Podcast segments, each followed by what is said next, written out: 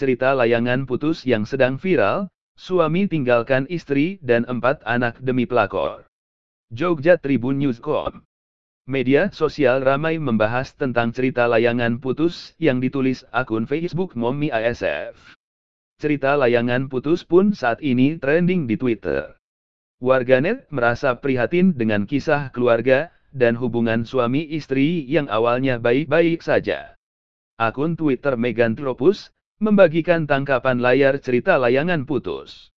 Postingan tersebut membahas Mommy ASF yang ditinggal suaminya selingkuh. Setelah diceraikan, mantan suami juga menelantarkan dan tidak membiayai kelima anaknya. Semua dilakukan suami demi bisa menikahi pelakor yang berprofesi sebagai selebgram.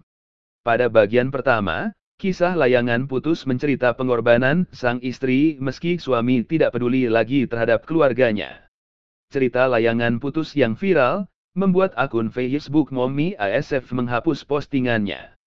Mommy ASF juga meminta maaf kepada pembaca. Ya Mommy hapus dulu. Mommy minta maaf kepada para pembaca.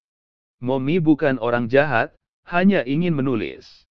Mommy masih butuh banyak belajar, mencari dan membuat tulisan yang membawa kebaikan pada pembaca juga kepada Mommy sang penulisnya.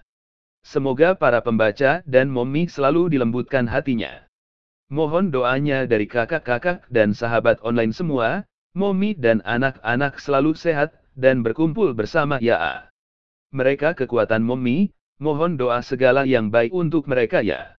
Amin, tulis Mommy ASF di Facebook. Menariknya cerita Mommy ASF berdasarkan fakta.